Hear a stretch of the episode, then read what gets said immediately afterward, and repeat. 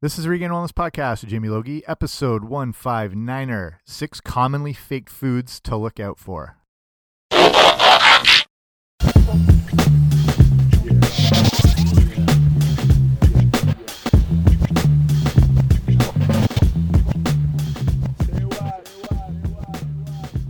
Hey guys, what's happening? Welcome back to the podcast, or welcome if you're new for the first time. Thanks for coming on out. I'm Jamie Logie. I run regainwellness.com. And this is Regain Wellness podcast of the same name. If you're looking for it, you're in the right place. And I appreciate you taking the time to come listen. So this one's interesting because this is based on uh, some reports that came out on common foods that have more than likely been faked at a lot of different points depending on where you find these things especially in like big supermarkets and when it's mass produced so i'm looking at six common things that kind of give you like the insights on how they can be potentially faked and how to find the actual real versions of them. So some interesting stuff here. Some things that I was completely unaware of too. So an eye opener just for me. So hopefully you'll learn a bit from it. So before we get into it all, make sure if you haven't already subscribe to the podcast wherever you find your podcast under rocks down the street Apple Apple Podcasts is probably the the main one. Anywhere you'd find a podcast, it should be there. That way, anytime a show comes out, it's automatically sent to your listening device, and uh, everyone's happy. Okay, let's get right into this. So this is based on a report from Global News here in Canada, and written by a lady named Katie Dangerfield, and it's all about this issue of food fraud and so looking at, you know, a breakdown of fake food products and you know how they're faked and stuff like that and you know it, it, the whole the premise of the the article is about you know being a smart shopper and most people are aware of counterfeit products especially when it's more physical products whether it's you know knockoff Prada bags or shoes or watches um, you know you know how to spot these things or if it's you know if it's on a street corner or if a price seems too good on something it probably is. But it goes a lot deeper and it goes into grocery stores and a place people sort of you know put their guard down and just assume everything's hunky dory in there and that this doesn't sort of translate over. But you know it, it's still a form of retail whether it's grocery or whether it's it's running shoes. Like there's people will find ways to cut costs to sell an inferior product, make it look like the real thing, keep their margins, uh, you know, higher as far as the money they have to invest compared to what they sell it at. You know, it, it's just that's the normal name of the game, and you know, food's not immune from it. So, more of this again, this is based on Canadian insights and research, and there is more concern. It's not that other countries aren't health conscious, and or, or probably even more so, but in Canada, people are very concerned over things like this, whether you know whether it's food fraud or if they're actually getting what they pay for.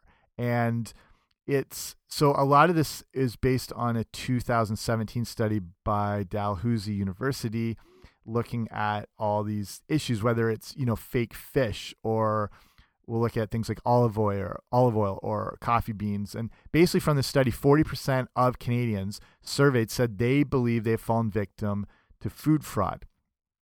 And again, it's you know if it's something people haven't paid much attention to, it's always been around. It's just now people are a little more people just don't want to get ripped off and it's people are a little more proactive. So the food industry expert that they're consulting at Dalhousie was uh, Sylvain Charlebois. I hope that's right. And it's just about this idea that companies and like I said, even the individual manufacturers, they have primarily economic motivations to sell counterfeit food. Um, there's it's it, you, with food you can't necessarily trace it, whereas something like a single product uh, coming from a factory or a manufacturer, you can you can trace it back to that specific area. With food, it's especially like liquids, powders, oils, spices you it's basically impossible to track and you don't know where it came from you don't know how it's been altered along the way or things added or things taken out but that's where you know reports and information like this come in is There's ways to sort of sift through the fake stuff, find the authentic stuff. So we're looking at six of the most commonly faked foods. What do I got? Five, five or six that are out there that have been out there for a while, how to spot them, and what to look for, um, you know, to get the actual version. So the first one to start, probably the biggest is olive oil. And it's, I don't know, it's not that, it's not even actually considered the worst type of food fraud, but it's, it's an easier one to figure out. And olive oil can be easily tampered with in many ways. So one of the big ways is diluting the real thing and then they throw in a real like a less expensive oil like a soybean oil or a sunflower oil and usually these are from the source of these other oils like the soybean oil probably I mean refined vegetable oils as it is aren't ideal and they're probably from genetically modified sources I'd say with the soybean oil apps like probably 100%. So they can take, you know, it'll still contain olive oil and it can still contain a really high end olive oil, but they just dilute it down so they can spread it out, sell more of it.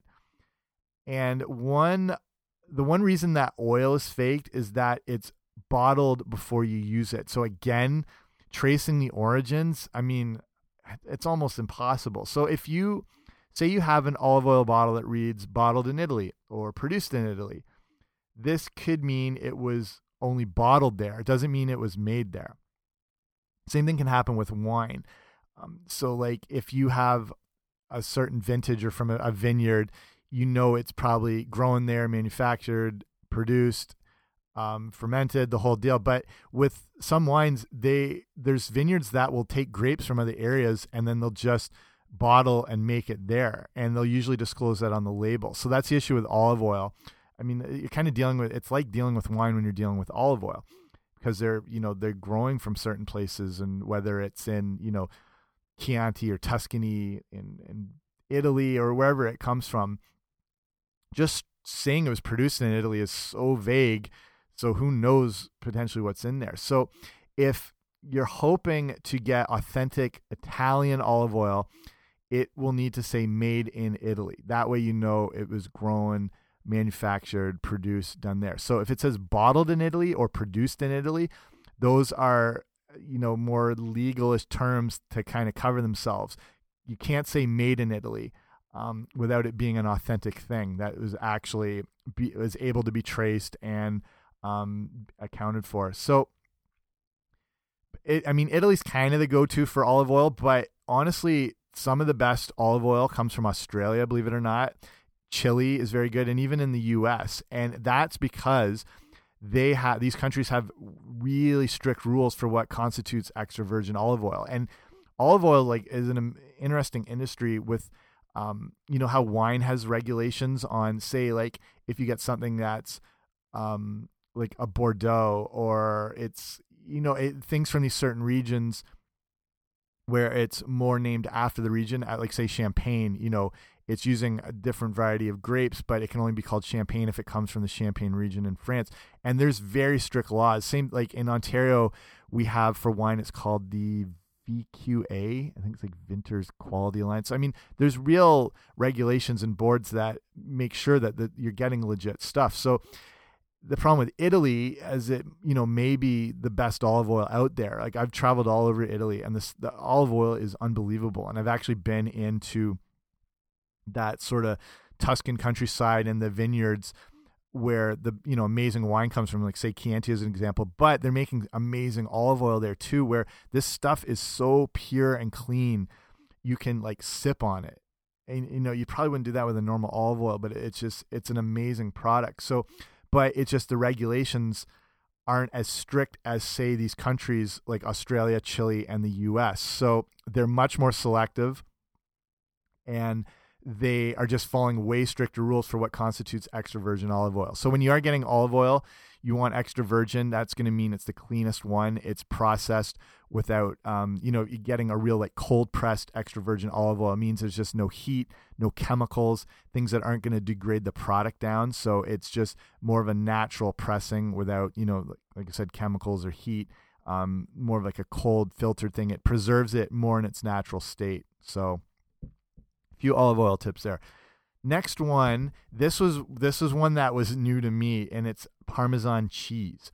And there was actually a 2016 Bloomberg News investigation, and it found that some Parmesan cheese had wood pulp in it. Heyo. Um, so they throw wood pulp in because it's apparently used to prevent clumping, and that can be done and is is done with potato starch. So you know you don't have to put wood pulp in. This is from a food scientist named Mark Johnson at the Center for Dairy Research in Wisconsin. And he said that's the way to prevent clumping. I know that that's an issue with Parmesan cheese. You know, you're trying to sprinkle the thing out. You have one of those big containers, and there's just this ball of cheese that sort of falls out. So the the thing though is wood pulp is actually considered safe for consumption in certain quantities. So that's why they use it, but it's because they can get away with it. Also, um, because they can sort of thin out the product um, and sell more of it that contains less Parmesan. So that's what happens. The temptation is they start to use more than necessary. It's the same thing like there there's even like an acceptable amount of bleach people can consume. So some restaurants will use bleach to clean stuff as long as it's diluted down into this right content because it's safe for human consumption, even though it's bleach. And there's a lot of things that fall under this, which is horrifying. Um, so in this case, I mean, the wood pulp's not going to kill you, um, but they're using more than necessary because it's obviously cheaper than cheese. Uh, then companies can use it to undercut competition, sell it off for cheap, you know, as usual, the way commerce tends to go. So if you're hoping to buy authentic Parmesan cheese without wood pulp, they should have that like orange juice where it's pulp free. Um, so this guy recommends looking for the full name. So that would be the Parmigiano Reggiano. And again, make sure it says made in Italy. When you see those words made, or see the word made in Italy, you know that there is more of a, a, a strict process to manufacturing and creating this stuff. Okay, next commonly faked food, and by far the most problematic, is seafood. Uh, this might be news to you, but I think it's a little more commonly known about the issues with seafood. Um, and and it goes beyond the grocery store and the frozen fish counter. It goes right into the restaurants. And the, these guys are talking about like if you think you can avoid the fake fish thing by going to like a high end restaurant, you're you're swimming up the wrong creek or something like that, which is a horrible segue. But this is going. This is a 2013 U.S. study conducted by an organization called Oceana and found that 38 percent of all restaurants sampled and 74% of all sushi eateries mislabeled the species of fish, ser fish served. Either they didn't know exactly what they were getting or they're very aware and they just weren't indicating it. So with sushi, like say, okay, if you order the example they give, if you order a red snapper fillet and get another type of fish, you you're gonna have no idea. Do you know like I eat a I love fish. I eat a ton of sushi. I don't have a educated enough palate or refinement on fish to know the difference between various things like whether it's red snapper, red tail, white tail, whatever it is, you know, yellow yellowtail tuna. I really don't know because I just don't eat it enough. And people don't even know what certain fish looks like. So if you're getting served pieces of sashimi, I you have to trust it. I have no idea if that's what it looks like when it's prepared and, and cut and whatever. So this is especially true if the fish isn't served whole. So if it's you know if it's coming like in a like you know in a sushi roll or in a bisque or in a soup, who knows what type of fish they're throwing in there? It can be just a common cheap white fish, and they can say it's a higher end thing. Um, so the strategy is if you're buying fish or if you're ordering it in a restaurant, is make sure it looks as close to the natural form as possible. So, you know, obviously, if you order salmon, you can see that it's clearly from a salmon, like the fillet or the fillets. You can see that it's just been, you know, sort of sectioned off that way. So if you're buying it in the store, whatever, you know, but if you're buying like some weird concoction stir fry and they say it's actually halibut, who knows? Like, you know, in the case of fish or fish and chips, who knows what you're getting? So it just means it's sort of a good tip to kind of eat things more in their whole you know find them in their whole form as possible and that's the the tip when it comes to fish okay big one here the next one is honey and it's always consistently in the top 10 list for food fraud and this is because it's one of the most expensive forms of sugar to make it takes a while to produce it it's uh, the manufacturing takes a long time there's a lot of time money energy and effort that goes into it and it's easy to fake. So that's why it always shows up. And there's a big there's a documentary on Netflix and it's called I think it's called Dirty Money and it's a six-part thing. And one of them is one of the episodes that gets talking just about how, you know, corruption in various forms and one of the episodes is about honey and how deep this goes. Um so usually what happens is honey can be diluted. Again, they're using some of the real product, they're just watering it down. Essentially, they dilute it with a high fructose corn syrup. They'll use cane sugar. They'll use even they'll even use beet sugar sometimes, which I didn't realize was the case. So they can stretch their, you know, they can use just little bits of honey, get more bang for their buck. So one of the big countries to be careful buying honey from is China because they have a huge history of faking their honey. And honey has become i mean with the the bee issue and the bee shortage it's it's just going to drive up the prices of these real genuine specialty made honey so when they're coming in cheap and mass produced from countries like china uh, you got to be careful so and it's happened multiple times that the fda has temporarily suspended honey from china because of this so I don't know. They they find ways around it. Apparently, apparently they will then ship it to Singapore, and then they'll ship it from there to kind of get around this way. So, I mean, if it goes with anything, try to get this stuff locally. And you know, like honey is made. I mean, I know there's place two minutes from me that I know sell and make honey, so I know it's easy to find. What you're not even necessarily paying that much more for it, and you might even be getting deals because you're buying these from you know local farmers and whatever and there's probably not tax on it. And you can i don't know if you buy it regularly they probably hook you up with a bit better deal. So i mean that with all food sources but specifically with honey buy locally. And then you know where it's coming from. You know who's made it. You're looking at the person whether it's like at a farmer's market or specialty market it's not hard to find and then you know you can almost like meet the people that are making it compared to something that's come from the other side of the world and who knows what's in it okay Next commonly faked food, coffee. And it's, you know, another one of the top food fraud contenders because coffee beans and ground coffee can easily be adulterated. It can be stripped down, it can be changed. And look what they're adding into some of these coffee beans that you've potentially been consuming twigs, stones. Uh, they'll throw barley in, they can throw corn husks in and that's all done just to increase the weight. So again, according to you know some of the food fraud advisors that we've been looking at here with these reports and research. So it's all about it's like it's like fattening up something, like fattening up a cow or a pig where they pump it full of hormones, where the actual quantity of meat or protein that you get is kind of fractured because the animal just weighs so much because of you know excess fat, excess water weight, stuff like that. So that's what they're doing with with coffee and ground coffee. They're just bumping up the weight content to be able to sell more of it. So, um, tougher to find. I mean, you know, if you're buying the straight beans, you're fine, obviously, because you can see it right there. So I would say that's the way I would. Generally, I would say avoid. I mean, if you like and you're used to buying ground coffee, that's cool. But like, get you know, just grind them at home. It's easy to do, and you can, and then that way it's a little fresher. You release a little more of the antioxidant content, which is probably the main way people get antioxidants is through coffee. But coffee has a ton of normal health benefits uh, as far as combating things like heart disease, and it's good for blood sugar management.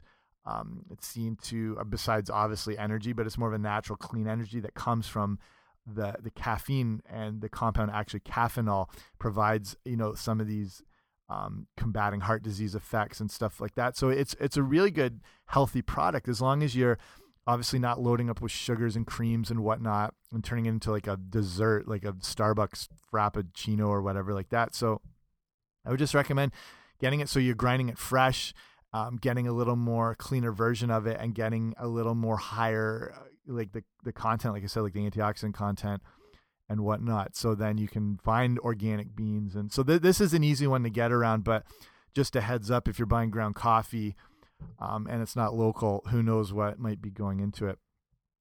Okay, here's an, another interesting one, and it's saffron. And if you cook or you're a foodie, you know saffron is one of the most expensive spices in the world. And because of that, because there's a high demand, it's also one of the most knocked off ones too. So uh, this is according again to the food fraud database. Saffron, you know, it, it's like little threads that it, it, comes in a natural form, like a not red, it's kind of like an orangey thing, and it can really like change the appearance of dishes because of the color and obviously the aroma. And again, a, a huge antioxidant source, extremely healthy, but very expensive again. So with uh, with the food fraud database, they're saying saffron can actually contain what you know, if you're buying a knockoff version, can contain marigold flowers, corn silk, chalk in some cases. They'll even dye onions.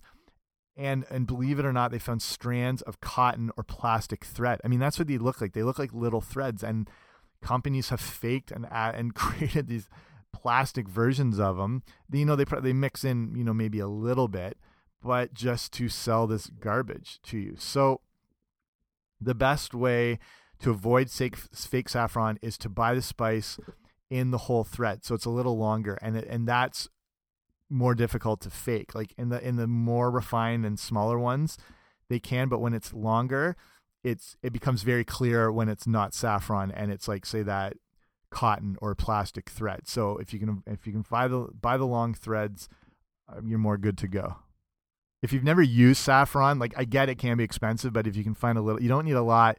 Like adding into something like a paella or paella, depending on how you want to pronounce it, like completely transforms the dish. So I mean, you know, treat yourself every now and then. It's worth doing. Hook yourself up with something like that. If if you're if it's like a specialty dinner, like something like that, and you'll see what I'm talking about.